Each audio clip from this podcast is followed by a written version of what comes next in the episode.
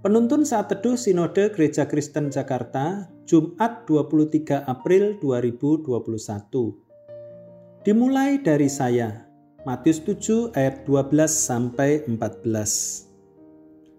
Segala sesuatu yang kamu kehendaki supaya orang perbuat kepadamu, perbuatlah demikian juga kepada mereka.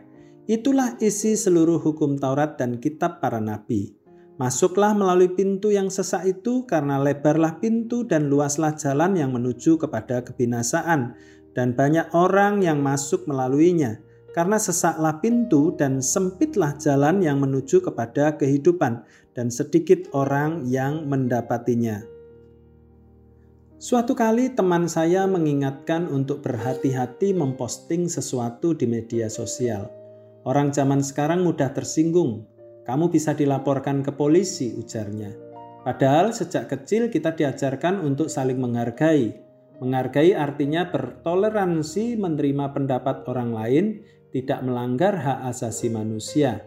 Akan tetapi kenyataannya begitu sulit untuk menerima pendapat orang lain. Firman Tuhan mengajarkan betapa pentingnya sikap saling menghargai.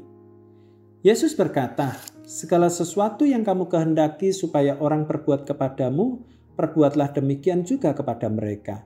Saat itu Yesus resah melihat perilaku tokoh-tokoh agama Yahudi. Mereka merasa hidupnya paling saleh. Mereka merasa sudah melakukan kehendak Allah dengan menjalankan aturan Taurat secara ketat. Pemahaman itu membuat mereka cenderung menghakimi dan mengutuki orang-orang berdosa. Mereka menghargai diri sendiri, tetapi tidak menghargai orang lain.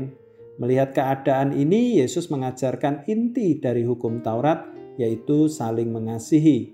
Kasihilah Tuhan Allahmu, ulangan pasal 6 ayat yang kelima.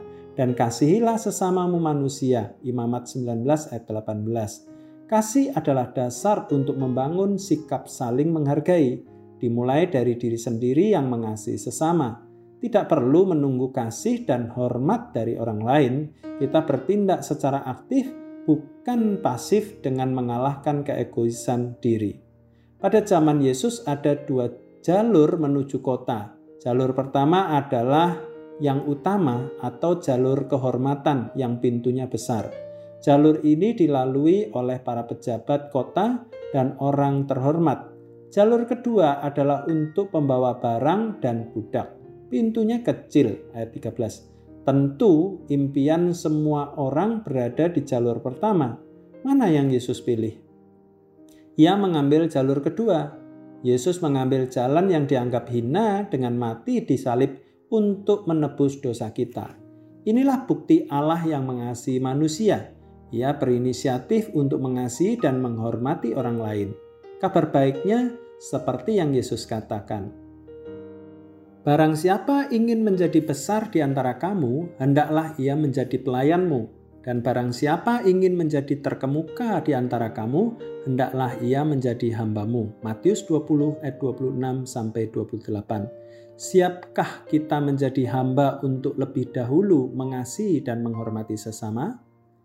Siapa ingin menjadi yang terbesar, hendaklah menjadi yang terkecil. Tuhan Yesus memberkati.